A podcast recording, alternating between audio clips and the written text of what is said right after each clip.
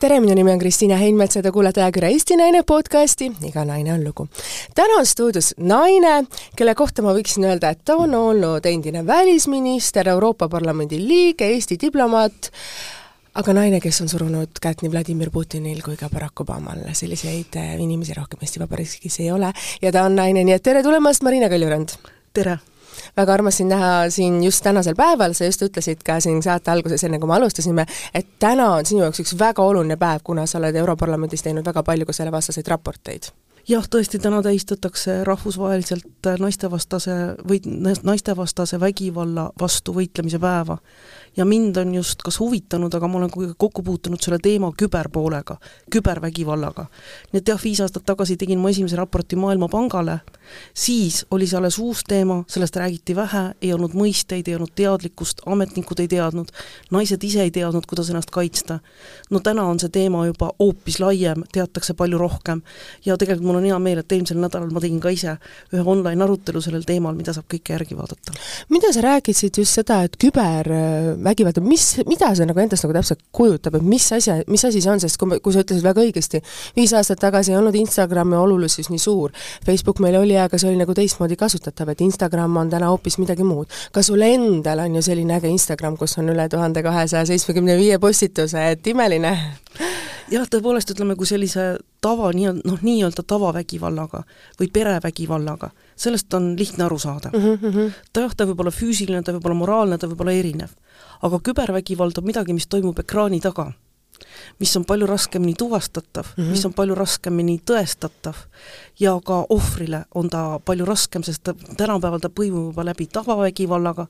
Ja noh, me teame küll ja küll avaliku elu tegelasi, keda on nii palju netis, kas siis ahistatud või pilte üles pandud või tehtud äh, deepfake videosid, kollaaže, kollaaže, et lõppude lõpuks nad juba hoiavad iseennast tagasi.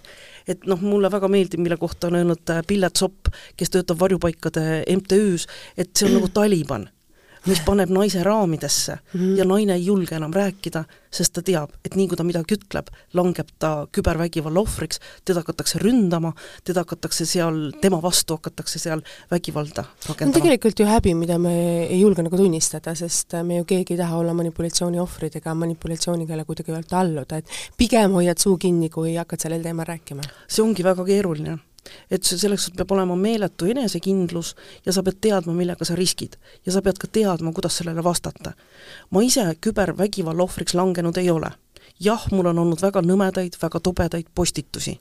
aga ma olen selle peale ka oma Facebookis kirjutanud ja igal pool kirjutanud, et arvestage, ma teen äh, ekraanitõmmiseid. Te võite arvata, et ekraan kaitseb teid, aga mul on need tõmmised olemas ja kui vaja, siis ma lähen politseisse, ma kaitsen ennast, et kui ma kunagi saan ohvriks, siis ma ei ole see lambuke, kes laseb endaga mida iganes teha, vaid ma hakkan endast võitlema. ja ma pean ütlema, et äh, neid äh, solvavaid postitusi on väga-väga palju vähem.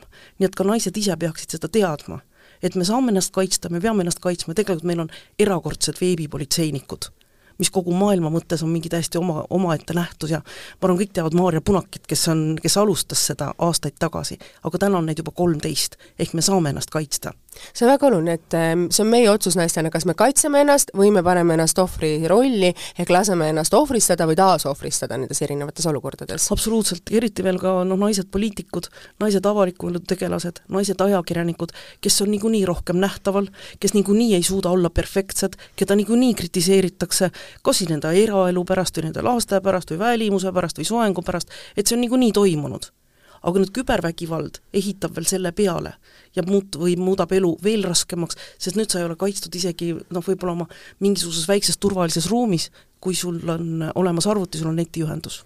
Sa oled ikka rünnatav kui me vaatame, kui palju on sotsiaalmeedia arenenud ja kui osaks on ta tegelikult saanud ka täna mõnes mõttes maailma poliitilises mõttes, sest kui me vaatame, Ukraina uudised tulevad ju väga sotsiaalmeedia kaudu ja on ka kanaleid ja ka sealsed riigiesindajad, vaatan mina ise Instagramis ja kuulete ma neid ütlusid asju, et ka sinul on ju need, nagu ma just mainisin enne, tuhat kakssada seitsekümmend viis postitust, see on ju meeletu mõju, mis on tegelikult sotsiaalmeedial täna ühiskonnas üle maailma üldiselt. absoluutselt, ma olen sellega täiesti nõus. ja sotsiaalmeedial ei ole piire mm. -hmm. lihtsalt sa pead enda jaoks, no mina olen enda jaoks välja mõelnud, mida, milleks ma kasutan. jah, ma kasutan väga palju ka Twitterit, kus mul on üle kümne tuhande jälgija, aga Twitterit kasutan ma rohkem äh, välismaalastega suhtlemiseks, info saamiseks eestlastega suhtlemiseks on rohkem Facebook vanemale põlvkonnale, Instagram nooremale põlvkonnale, ehk lihtsalt tuleb teada, milline sotsiaalmeediakanal milleks on, aga noh, poliitikuna ja Euroopa Parlamendi saadikuna ma mäletan, kui, kui ma kandideerisin, siis sõnum, mida kõik mulle rääkisid, ärge kaduge sinna Brüsselisse. Jah, nii et see on mul ka moraalne kohustus rääkida, mida ma teen, miks ma teen, sest noh, valijaid huvitab see. sa just eile õhtul postitasid ühe väga tähtsa postituse ja sa kirjutasid seal, et Venemaa on nüüd, kuidas öelda, terrorismi toetavaks riigiks. kinnitatud. sina oled ise selle riigi esindajaga Putiniga isiklikult kohtunud ja temale kätt surunud. Mida sa mäletad sellest hetkest ja kuidas sa nüüd täna sellele hetkele tagasi vaatad, sest Venemaa tollel ajal, kui sina olid suursaadik ikkagi Moskvas, omas teistsugust rolli siin maailmas, see ja see, kus ta täna on selles mõttes Putini käe all jõudnud, on nagu kaks no neid ei ole võimalik enam võrrelda no ütleme, see režiim mm -hmm. on olnud kogu aeg ühesugune. lihtsalt võib-olla kui paarkümmend aastat tagasi rääkisime meie Eestis, milline see režiim on, meid ei usutud, meid ei kuulatud siis tänaseks näevad ka teised, meie lääneliitlased, kogu maailm, milline see režiim on. kas ta muutub nii vägivaldseks, nagu on praegu sõda Ukrainas või nagu oli sõda Gruusias, jah, tõesti, ma küll olin veel saadik Moskvas ka kaks tuhat kaheksa, kui algas sõda Gruusias mm, -hmm. eks see oli väike šokk.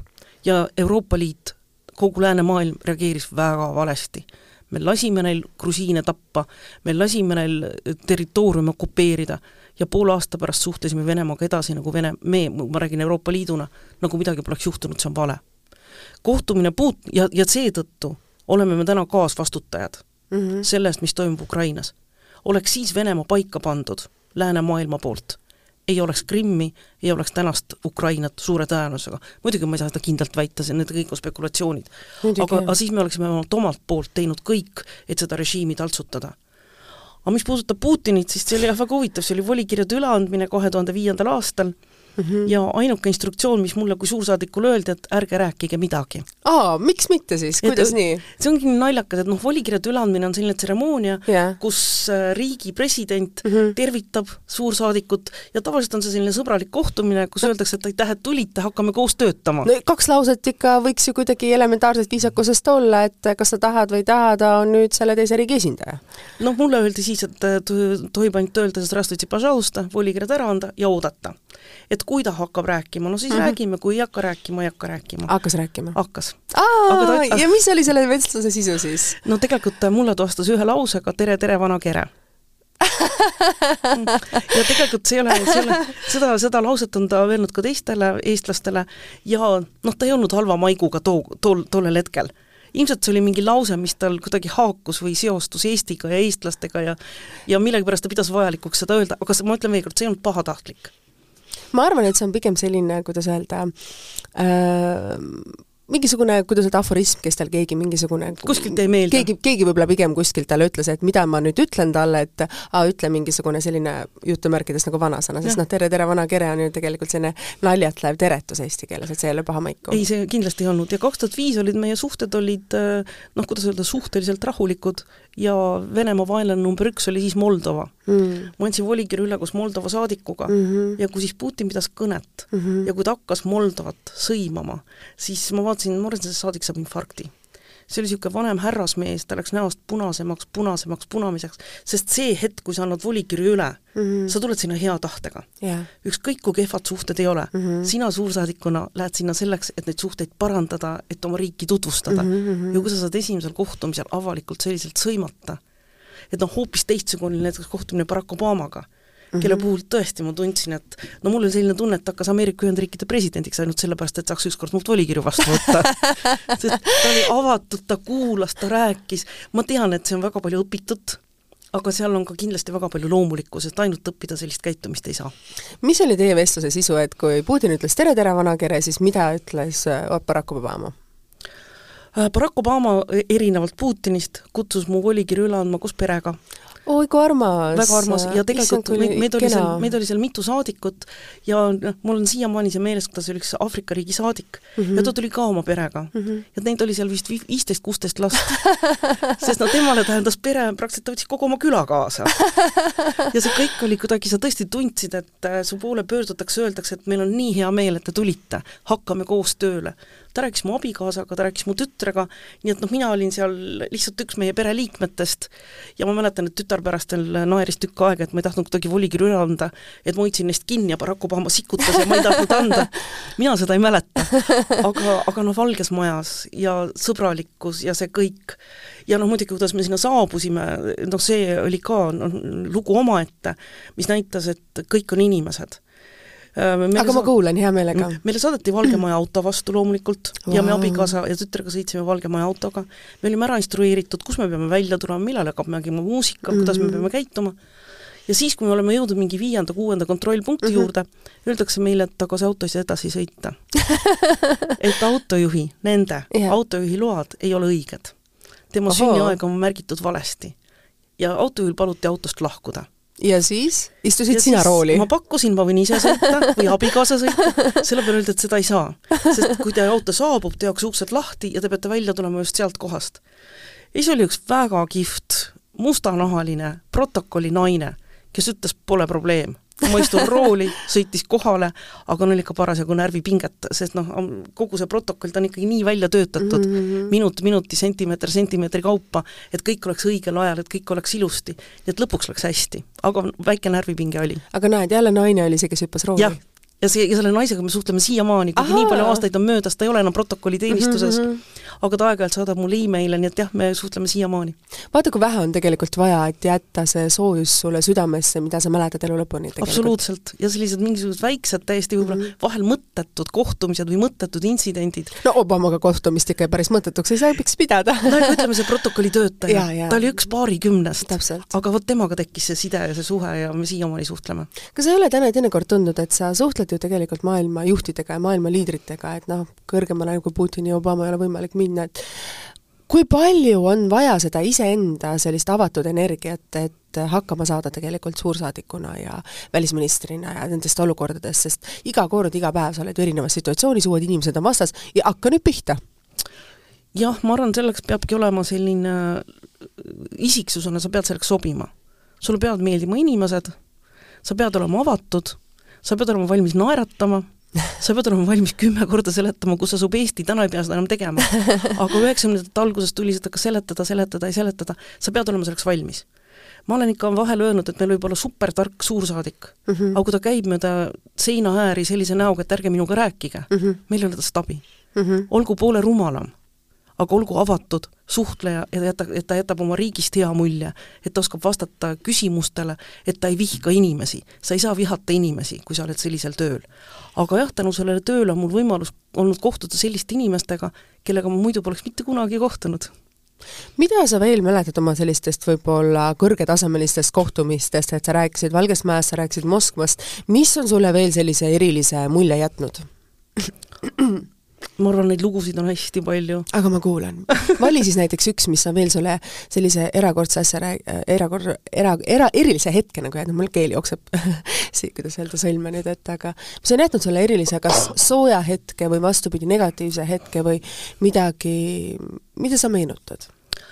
no Moskva aegadest olid need kindlasti kohtumised äh, patriarh Aleksius teisega, kes oli Eesti päritolu mm, -hmm. baltisakslane mm, -hmm. Aleksei Riidiger mm -hmm. ja kes oli Eesti väga-väga suur sõber mm. -hmm. ja eriti suur kontrast on, kui ma vaatan täna mm -hmm, patriarh, praegust patriarhi, kes oli siis mm -hmm. nii-öelda välisminister, patriarhaadi välisminister mm, -hmm. aga kelle kohta hoiatas patriarh juba siis, et ta mm -hmm. ei ole mhm. hea inimene.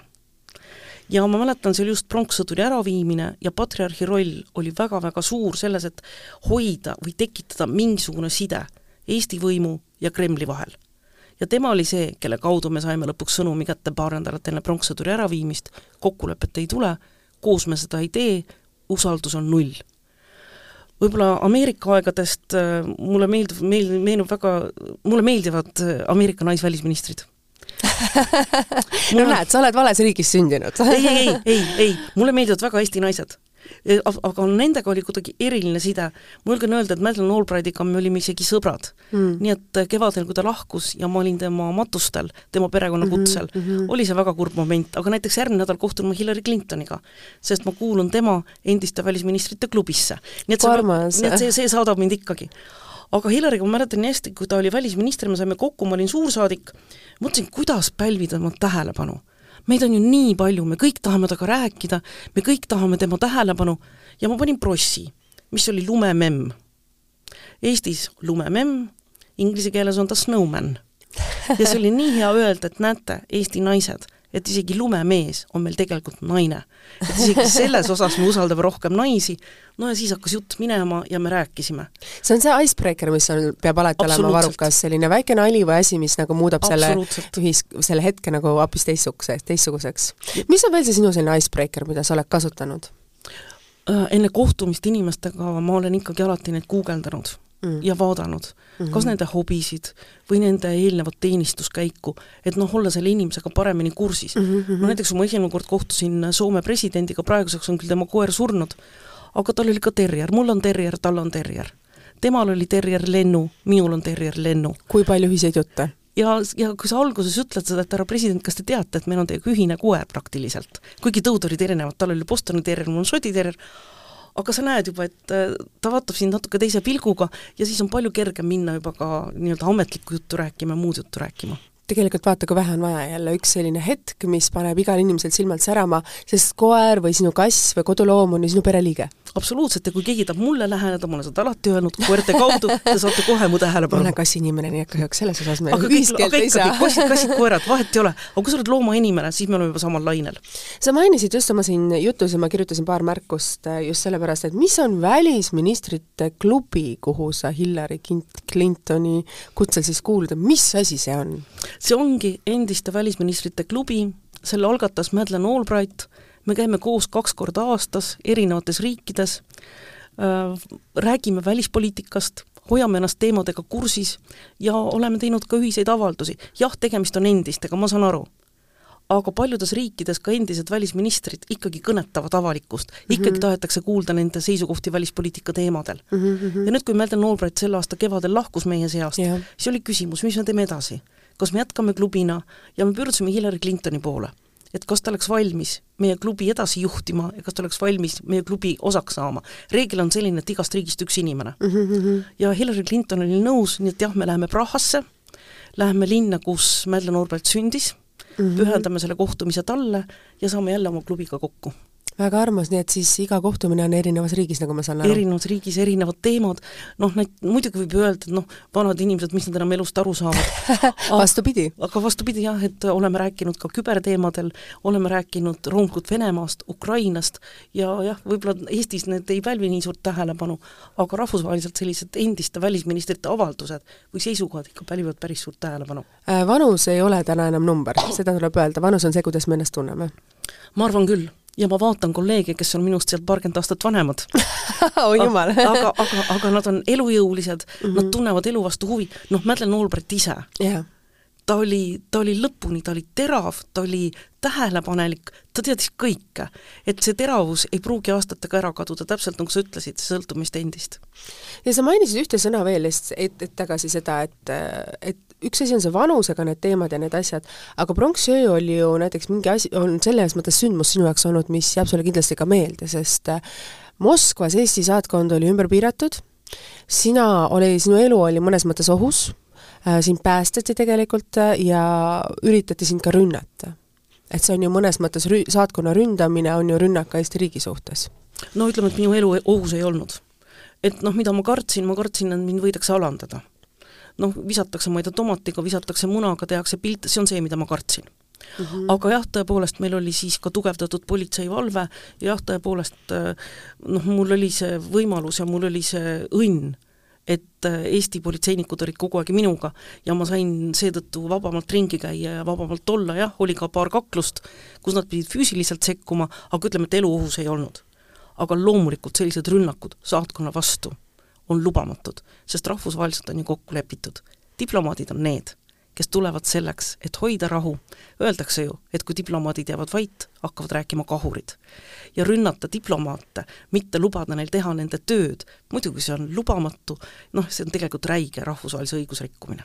kui me vaatame maailmas, siis selliste suursaatkondade ründamine on olnud väga palju maailmas, eriti just sellises, kui me mõtleme Aasia riikides ja selles mõttes ka erinevates, ütleme, Araabia riikides, et selline aastatepikkune ongi esimene rünnak läinud ju suursaatkonna pihta, et neid, neid rünnakuid on ju isegi tehtud ju filme erinevaid ja nendest on kirjutatud ju raamatud ja need suursaadikud on ju kirjutanud, kuidas nad on olnud võib-olla vangistatud või nad ei teadnud, kas nad pääsevad või ei pääse, neid on ka piinatud, et kui sa nagu diplomaadina alustades nagu tööd ja olles võib-olla riigis, kus selline asi võib juhtuda, et palju sa pead omama ise sellist tugevust, et sa julged nagu seda tööd teha, et kas ei karda, ei ole mõtteid selliseid?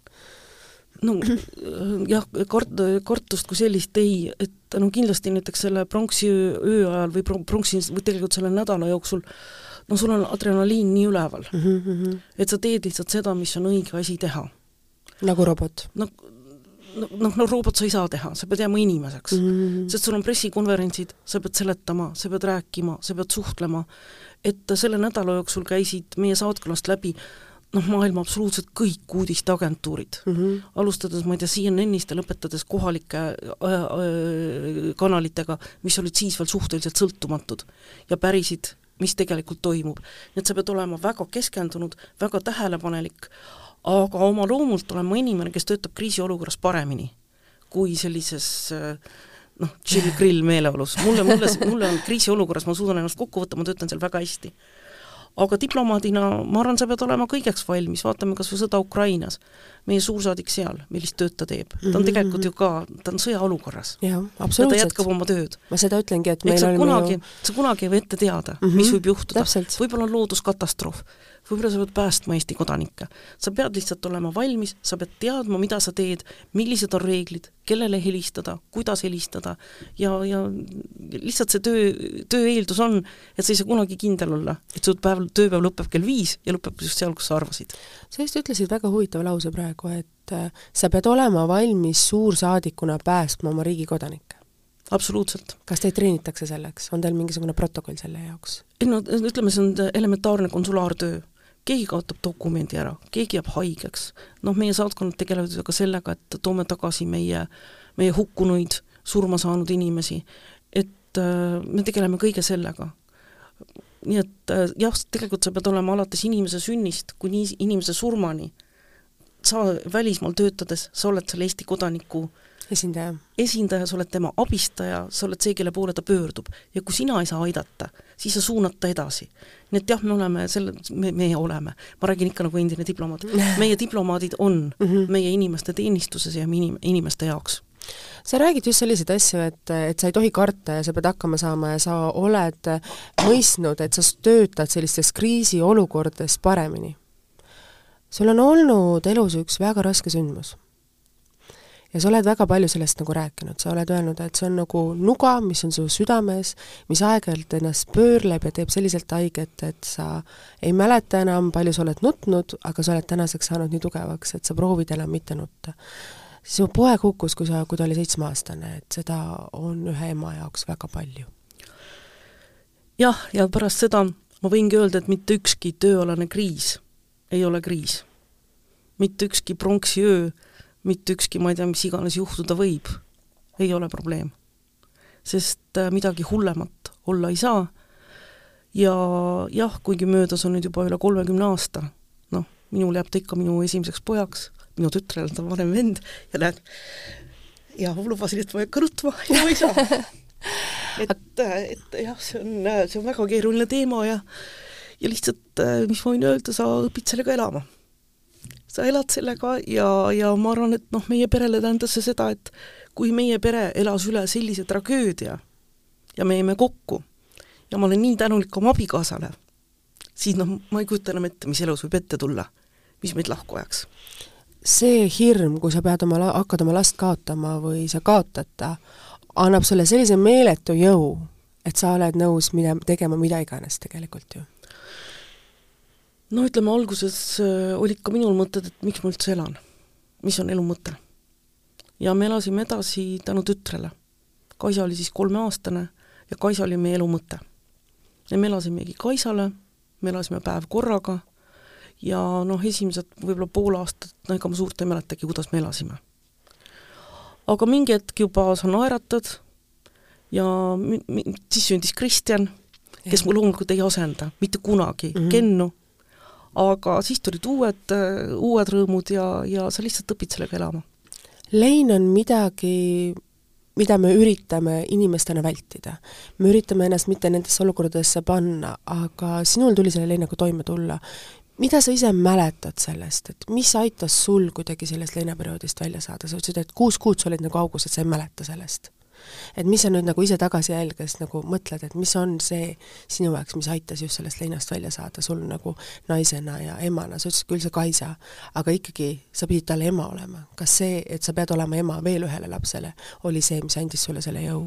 jah, minul oli see, minul oli see, sellepärast tõesti ma püüdsin pöörduda psühholoogi poole, ma pöördusin abi saamiseks, aga ma ei saanud seda abi. võib-olla ma pöördusin varade inimeste poole, aga meie kohtumised lõppesid sellega, et nemad nutsid ja mina pidin neid lohutama. noh, no ma tean, seda on praegu naljakas rääkida, aga yeah. aga see oli noh, üle kolmekümne aasta tagasi ja ütleme, mina seda abi ei saanud. ma läksin isegi kirikusse kuulama ja kui mulle räägiti seal sellest, kuidas äh, kuidas mitu põlvkonda peavad, ma ei tea, kandma karistust ja ja kuidas, ma ei saanud sealt lohutust ma, ma ei saanud lohutust, miks minu seitsmeaastane poeg pidi lõpetama oma elu ja ma ei saanud lohutust, mida olen mina teinud, et ma pean nii palju kannatama.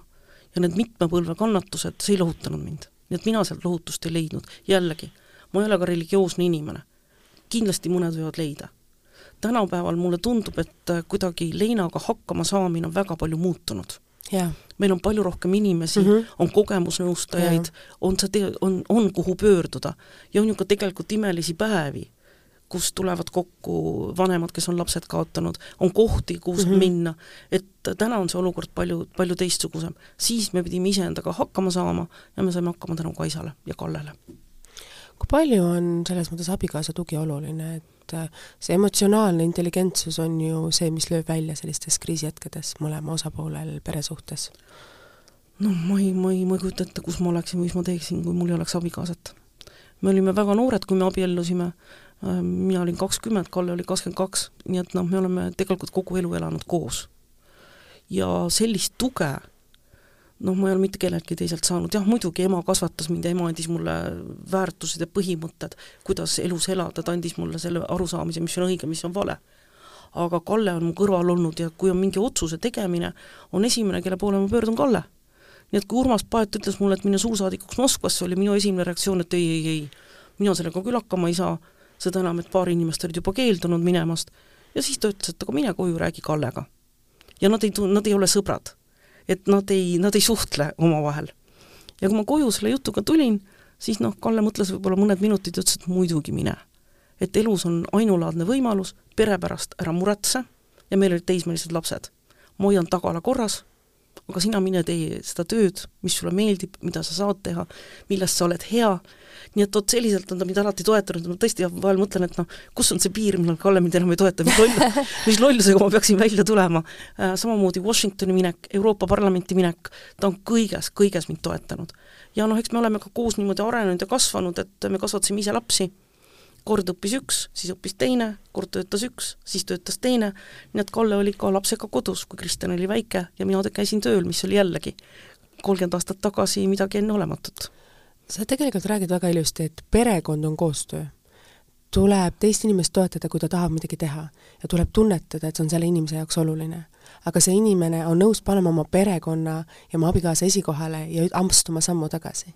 ja kui ei tule seda teise inimese toetust, kes ütleb, mine, tee, ära muretse, ma saan hakkama, siis tegelikult ju loobutakse ja väga paljud naised teevad seda no ma ei tea, kas see tähendab sammu tagasiastumine. kui sa ei oleks läinud Moskvasse, kui oleks Kalle öelnud, et ära mine, ma ei saa hakkama jah, jah, muidugi ma oleksin sellega arvestanud. loomulikult ma oleks sellega arvestanud. noh, siis võib-olla ma oleksin olnud suursaadik Lätis, on ju, ilmselt, ilmselt oleksin kuskil mujal võib-olla olnud aga jah, ma olen sellega nõus, et eriti diplomaadi töös, see on võimatu töö, kui sul mm. ei ole tuge. et kui palju on tegelikult lahutatud abielusid, kui palju on abielusid, kus äh, ei olda õnnelikud, just sellepärast, et jah, üks peab natukene jah, ma arvan, sa ütlesid õigesti, kas just tagasi astuma või ta peab kuidagi pausile panema jah, oma ambitsioonid, et teine saaks ennast arendada ja oma tööd teha. aga tegelikult see on ju see midagi, mis sööb hiljem su hinge seest sa mõtled nagu, et kas, kas mind kui sa astud sammu tagasi, ei selles mõttes, kui sa astud näiteks noh, tagasi nagu psühholoogiliselt rääkides, et sa astud sammu tagasi, sa loobud millestki, mis on sul hea, sa paned oma perekonna esikohale, aga kui sa teed seda mitmeid kordi, sa mingil hetkel tunned, et sa ju lämbud. ma arvan, et seda peavad tegema mõlemad Mm -hmm. et samamoodi on ka, noh, me õppisime Kallega kordamööda, kord tegi üks magistrikraadi, siis tegi teine magistrikraadi, kui lapsed olid väiksed, olin mina lastega kodus äh,, pärast küll, ka äh, Kalle Kristjaniga isa, siis ei olnud isahoolduspuhkust, lihtsalt puhkusele. et ma arvan, seda tuleb teha mõlemalt poolt.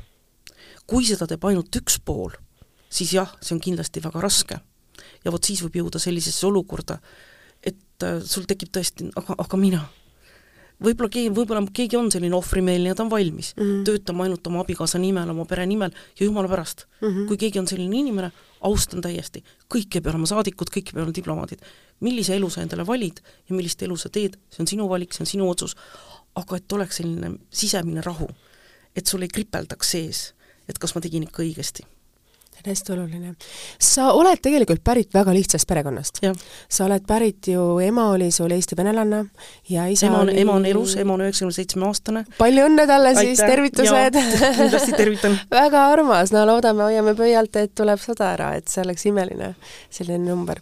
Äh, ja sinu isa oli ju tegelikult Läti bussijuht, et ja kuidas sina nüüd sattusid õppima seitsmendasse keskkooli, mis oli Nõukogude ajal ju selline eliitkool, kuhu said ainult väga vähesed välja välja valitud. et üldiselt sinna sellisest lihtsast perekonnast pärit lapsi ei saadud, sinna olid juba, kuidas öelda, nomentakluuri lapsed ja suurte nende ettevõtete lapsed, kõik juba sinna koondusid tollel ajal, et kuidas siis sina sinna sattusid? noh, isa ei kasvatanud mind üldse. minu ema ja isa lahutasid, kui ma olin paarikuune, nii et tegelikult kasvatas mind ema üksinda mm. -hmm. aga just see õige ja vale, mis ma kodunt kaasa sain, oli haridus. haridus, haridus, haridus. ja teine, mille ma kodunt kaasa sain, me räägime emaga siiamaani kodus vene keelt minu mm. emakeel on vene keel mm. -hmm. kuigi -hmm. ema valdab vabalt eesti keelt, on Eesti kodanik, ta on Eesti suurim patrioot, keda ma näinud olen. aga me säilitame vene keelt ja ma olen talle tänulik, et ta selle säilitas, minu juured, minu keele. aga ema seisukoht oli, meie venelased, kes me elame Eestis, peame austama seda rahvast, kultuuri. ja ma sündisin kuuekümne teisel aastal siis ei räägitud Eesti taasiseseisvumisest ja ometigi kasvatas ta mind, et me peame selles riigis elades olema osa sellest riigikeelest, kultuurist, kultuuriruumist. et see on see, mis ma kodunt kaasa sain, aga haridus, haridus, haridus. ma, ma läksin katsetele, meid lasteaiarühmast läksime katsetele, ma arvan, meid oli neljakesi ja me kõik saime sisse.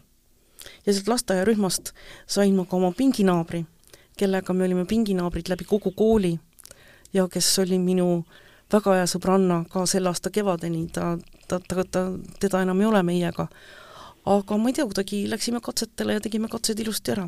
kas ei ole see, et elu loob sulle võimaluse, sa haarad sellest kinni juhuslikult, minnes kaasa vooluga, ja siis see on sinu võimalus, mida sa hiljem tegelikult alles aru saad? võib-olla väiksena, noorena jah, loovad sulle võimalusi teised. aga mingil hetkel sa pead hakkama neid võimalusi ise kas siis leidma, otsima või otsustama. millal sina jõudsid selle arusaamani, et nüüd on see hetk, kus ma pean ise hakkama neid otsima, ma pean ise tegema ettepanekuid ja ise oma eluga edasi minema, millal oli see hetk, kui sa tunnetasid seda? no mul oli selles mõttes hästi lihtne, et see hetk oli üheksakümne esimene aasta, kui mulle helistati ja küsiti, helistas minu paralleelklassi vend Riho Laanemäe ja küsis, kas ma ei tahaks tulla Välisministeeriumisse tööle ja ma olin Välisministeeriumi kahekümne esimene töötaja. ja tegelikult mind kutsuti sinna, kuigi ma olen lõpetanud juura mitte juristina, vaid kutsuti vene keele pärast. nii et ma olin Lennart Merile vene keele tõlk, tõlkisin dokumente, tõlkisin äh, pressiülevaateid, lugesin venekeelset meediat. ja vot see oli see hetk üheksakümne esimese aasta alguses.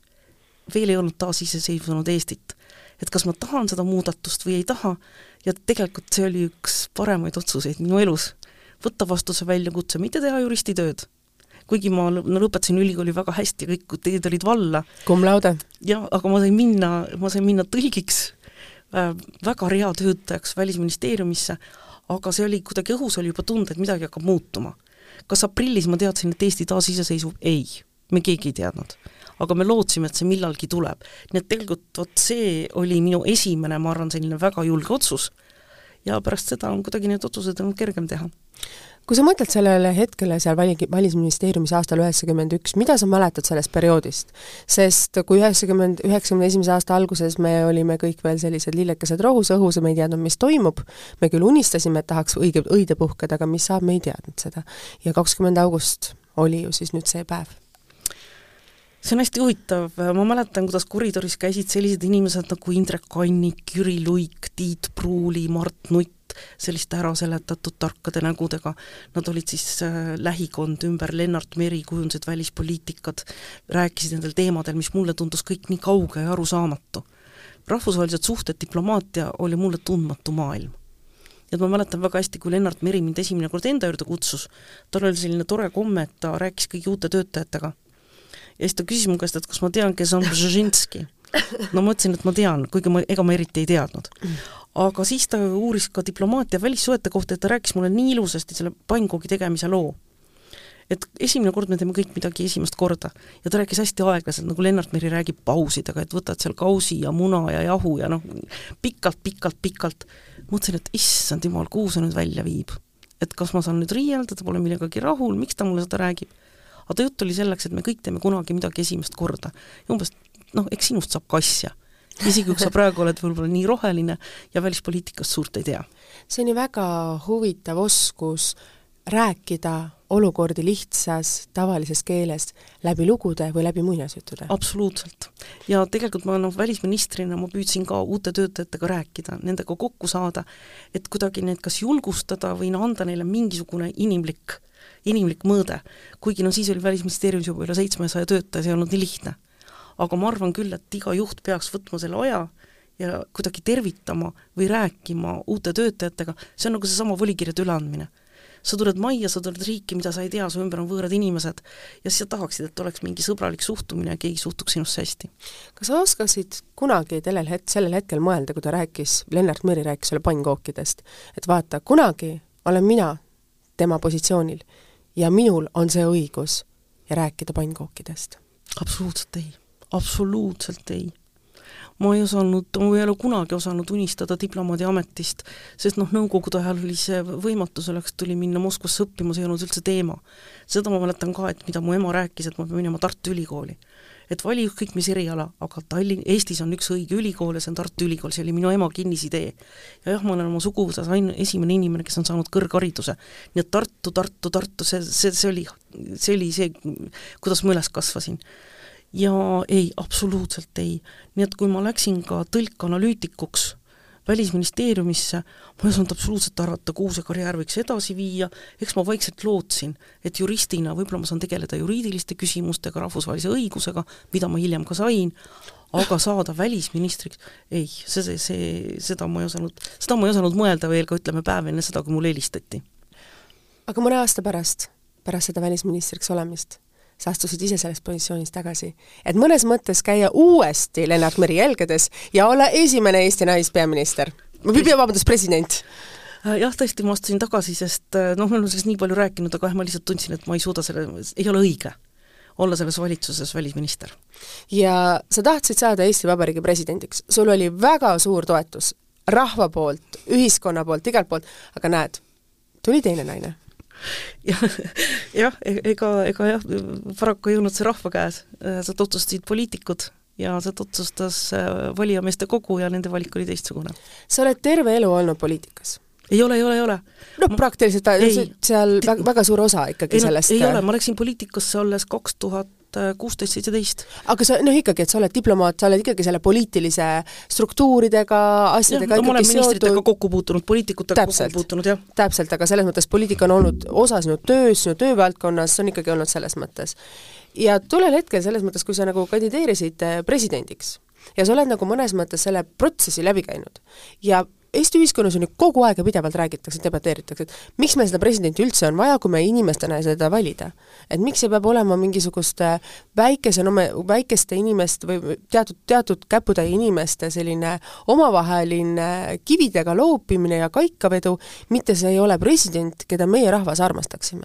et kas sa ei ole ise selle peale mõelnud, et oleks seda vaja muuta, et sellest on nii palju räägitud? Äh, ma arvan, seda ei tuleks muuta. miks? sellepärast, et tegelikult noh, need inimesed, kes valivad presidenti, ei ole ju lihtsalt mingi käputäis.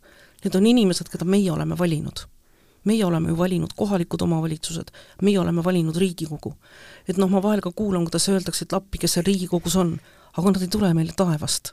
me ise valime neid ehk meie valijatena ütleme, kes on need inimesed, kes otsustavad meie elu üle. aga kas presidenti võiks ikkagi rahvas valida, et anda rohkem rahvale sellist nagu otsustusõigust või sellist õigust öelda oma arvamus? aga siis see muudab kogu jõudude tasakaalu Eestis.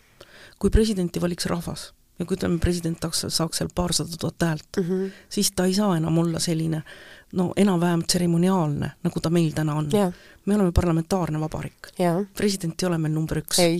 ja ta käib ainult mõnedel üksikutel rahvusvahelistel kohtumistel, jah, kus ta esindab riiki ja.. jah, ta saab väga palju teha ja president on seda teinud, aga ikkagi me oleme parlamentaarne vabariik ja ma arvan, see on õige valik. siis me peaksime muutuma Soome-suguseks või, või, või mm -hmm. Läti-suguseks riigiks, kus presidendil on palju suurem roll. aga ma arvan, et meil on praegu see jõudude tasakaal väga hästi paigas.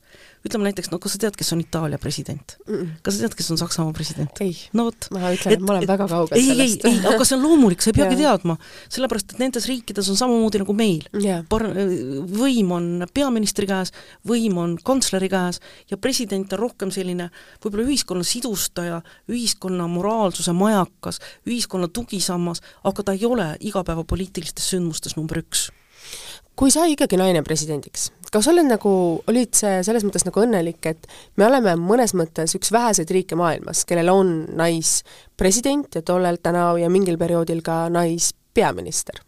no kui minna tagasi selle presidendi valimise juurde, siis no tegelikult ta vahepeal muutus juba selliseks tubateatriks. oli selline reality show, et Täpselt, Eesti otsib naispresidenti, eks ta natuke naljakas oli. aga see, et meil on naispresident olnud ja meil on naispeaminister, minu arust on see väga kõva sõna see on avanud ukse. aga alati võib-olla lihtsam on saada selleks esimeseks mm. -hmm. oluline on see, mis saab edasi mm. -hmm. kas tuleb teine ja kolmas ja neljas ja viies. vähemalt need inimesed on praegu ukse avanud. et meie ühiskond on näinud, et see on võimalik. ja nüüd on, ma arvan, sellepärast, sellepärast tulebki toetada naisi. ja mina väga toetan naisi poliitikas ja ma arvan, naisi peab poliitikas olema rohkem, aga me peame olema ausad see ei ole lihtne, sind kritiseeritakse, su üle naerdakse, su pere võetakse tükkideks, su riided võetakse tükkideks, sa pead selleks valmis olema. sinu aga... Kristjan Terju kott. täpselt, minu kott oli vahepeal kuulsam kui ma ise. absoluutselt, ma et... mäletan seda siia, mõtlesin, et no kas tõesti ei ole mitte midagi muud teha. aga, aga kui sa oled selleks valmis, vot mm -hmm. siis tuleb minna. nii et noh, ma arvan, et äh, praegu ka esimene naispresident, esimene naispeaminister, nad näitavad meie noortele naistele ja üldse meie naistele, see on võimalik.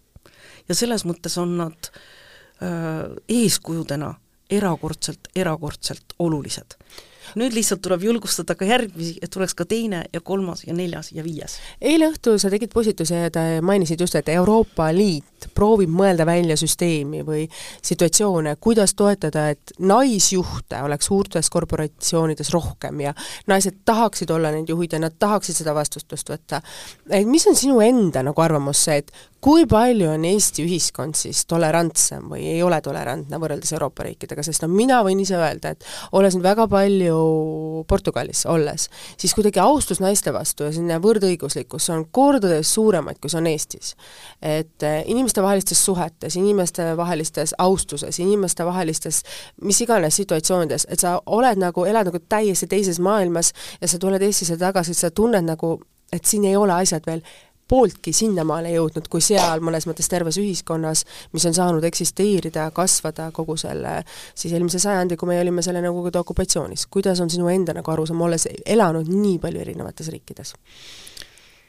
Ah, jah, see on väga hea küsimus ja sellele nagu ei olegi ühest selget vastust, no mis puudutab seda eilset postitust mm, -hmm. siis see puudutas Euroopa Liidu seadusandlust, mis näeb ette, et protsent börsil olevatest suurettevõtetest, ju-, nende ettevõtete juhtkonnast, teatud protsent juhtkonnast peavad olema naised. kas see mõjub? põhimõtteliselt ma ise ei ole väga tugev kvootide toetaja. aga ma olen näinud riike, kus kvoodid töötavad mm. -hmm. võtame meie Põhjamaad, noh, hiljuti ma kohtusin näiteks Rwanda parlamendi liikmetega, kes ütlesid, et Rwanda jah, võib ju tunduda, et noh, kaugel mis, aga seal esimese ringiga said sisse naised kvoodiga Nad töötasid ennast üles ja siis nad said juba kvoodi vabalt oma parlamenti ja tõmbasid sisse järgmised naised. ehk ma ei, ma ei ole sada protsenti kvootide vastane. lihtsalt Eesti ühiskonnas, kus me oleme nii väike ühiskond, ma tunnen, et me ei ole täna kvootideks valmis ja võib-olla selles mõttes Euroopa Liidu seadused, mis panevad kohustuse ja me räägime suurettevõtetest, kus on vähemalt kakssada viiskümmend töötajat, ma ei tea, palju neid Eestis on, kümme, natuke rohkem mm. -hmm. me räägime ainult nendest börsiettevõtetest. et seal juhtkonnas peaks olema rohkem naisi, mina võtaksin seda poliitilise signaalina. et kui on võrdsed kandidaadid, me räägime võrdsetest kandidaatidest, eelistage naist. ja me saame aru siis, et me, et eesmärk on luua fooni, et naised ise tahaksid seda teha. ja naised peavad ise julgema. et see on see teelekompleks. et noh, keda sa pakud naiseks, ma pakun ennast. et noh, tegelikult seda teele, teelejuttu, palju meil naistel on seda julgust öelda. et ma arvan, et ma olen sellele kohale hea, ma pakun ennast.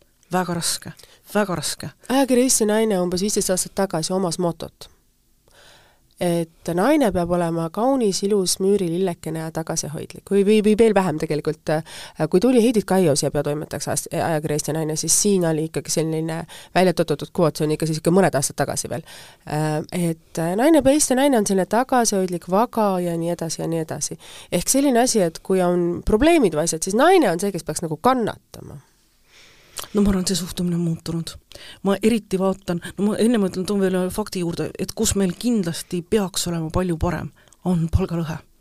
sooline palgalõhe. see on Eestis ju suurimaid Euroopas. me olime aastaid kõige suurema palgalõhega mm, -hmm. no nüüd on Läti küll suurem, me oleme tagant teised, aga, aga see ei lohuta. vot see on midagi, mis ei ole õige.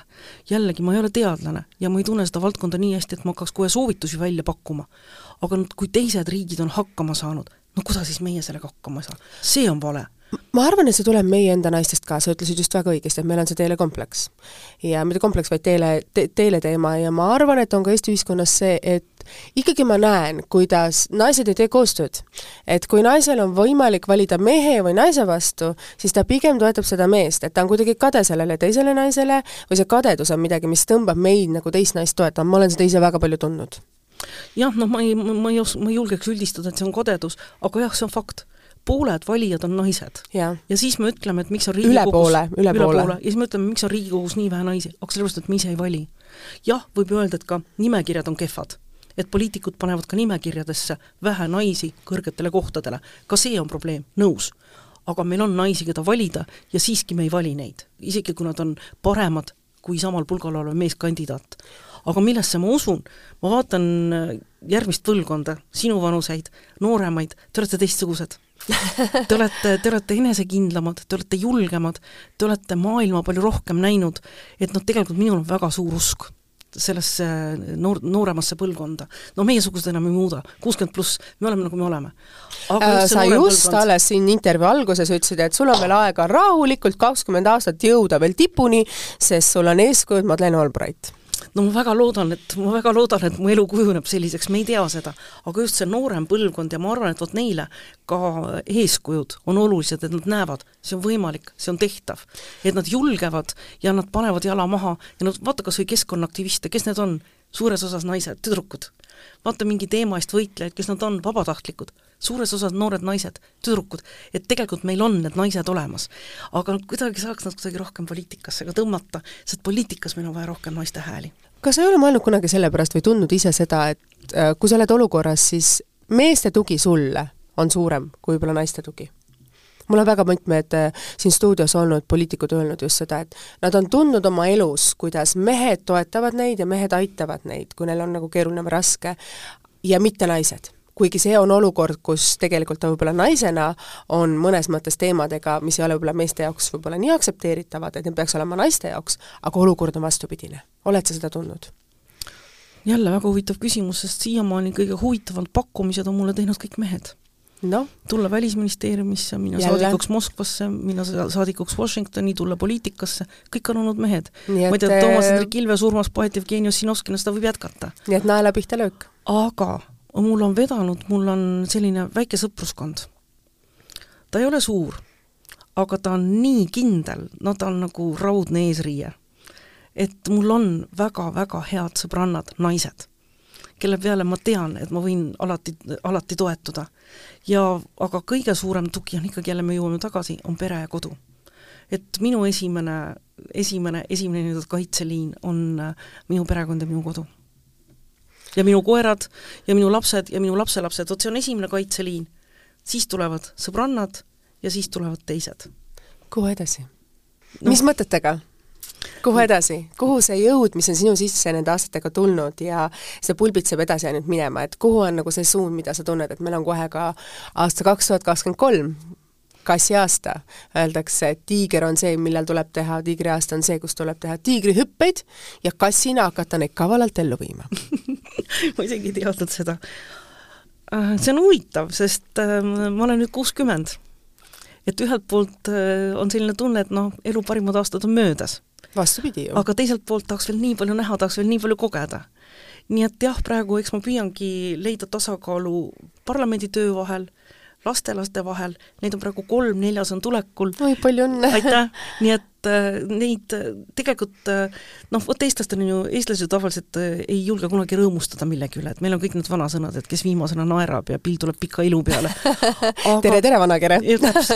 aga, aga, aga no tuleks tunnistada seda, et kui sul on hästi, ma ei tea, mis homme juhtub. aga täna mul on kõik hästi. ja täna tegelikult äh, ma, ma julgen öelda, et ma olen õnnelik. Ma ei tea, kaua see kestab, aga ma julgen seda tunnistada. nii et võib-olla ma tahaksingi oma järgi jäänud aastatelt, kui palju neid ka tuleb, äh, rohkem seda julgust ja vabadust tunnistada ja nautida seda hetke, et mul on praegu hästi. sest me keegi ei tea, kaua see kestab. absoluutselt aitäh sulle, Marina, et sa tulid siia saatesse, aitäh selle imelise vestluse eest ja tervitused Putinile ja Barack Obamale, siin stuudios oli naine, kes kõik on teile tere öelnud. Kristina, aitäh kutsumast! aitäh, oli imeline vestlus, aitäh teile, kallid kuulajad, kes te olite selle saate meiega. Ja saade läheb eetrisse meil täna just sama, kohe paari tunni pärast. Ja tahan ka seda öelda, et meil on ajakirja Eesti Naisega tulemas selline avalik üritus kuuendal detsembril, kus siis nii mina võtan sisse avalikult sellise pihitooli ja hakkan küsitlema enda vastas olevat naist, ma veel ei tohi öelda, kes see naine saab olema, ja siis on ka Heidi Kaia samamoodi meil, kes avalikult räägib. Ja ma pean tunnistama, et minu esimene debatt avalikult oli koos Marinaga Tallinna Prantsuse Lütseumis, ma ei olnud kunagi käinud debatil, aga kuna minu hea sõber Jüri Ratas kutsus mind valimistele, ma arvasin tollel hetkel, et äh, kolme lapse emana, kes on väga suure osa elust olnud kodus, kuulub ikkagi veel sellise kõige madalamasse äh, Eesti ühiskonna naisarvamusliidrite kihti ja kui keegi ütleb mulle, annab selle võimaluse, siis see oli minu jaoks elumuutev, et see andis mulle julguse, sest kui sa istud kõrval tooli peal ja su kõrval on Marina Kaljurand ja ta naeratab sulle ja seesama avatus on sulle ja sa mõtled, issand jumal, kas ma jään siin ellu või ei jää ja sa jääd, sa pärast mõistad, et pole ühtegi asja, mis sind võiks verest välja jääda. nii et aitäh sind, Marina, sa oled olnud üks osa sellest minu elu muutvatest eh, hetkedest. aitäh sulle et... selle eest, et sa meenutasid, ma mäletan seda muidugi, see oli, kas see oli enne neli aastat tagasi? Riigikogu valimised, Euroopa Parlamendi valimised ma ei mäletagi. igatahes Prantsuse üldse tegi väga kihvti arutelu ja. ja me olime seal kõik, mäletan väga hästi, aitäh, et meelde tuletasid! nii et aitäh, see oli minu jaoks väga oluline hetk, nii et sa oled teinud minu jaoks midagi väga erilist, aitäh! veel kord, kuulajad, kohtume teiega juba nädala pärast, uus saade, uued külalised ja saade on ikka saadaval ja kuulataval Spotify's ja Delfi ja nüüd selleks on tehtud mingisugune eriline äpp, mida ma veel väga hästi ei tea. aitäh teile, kohtume nädala pärast!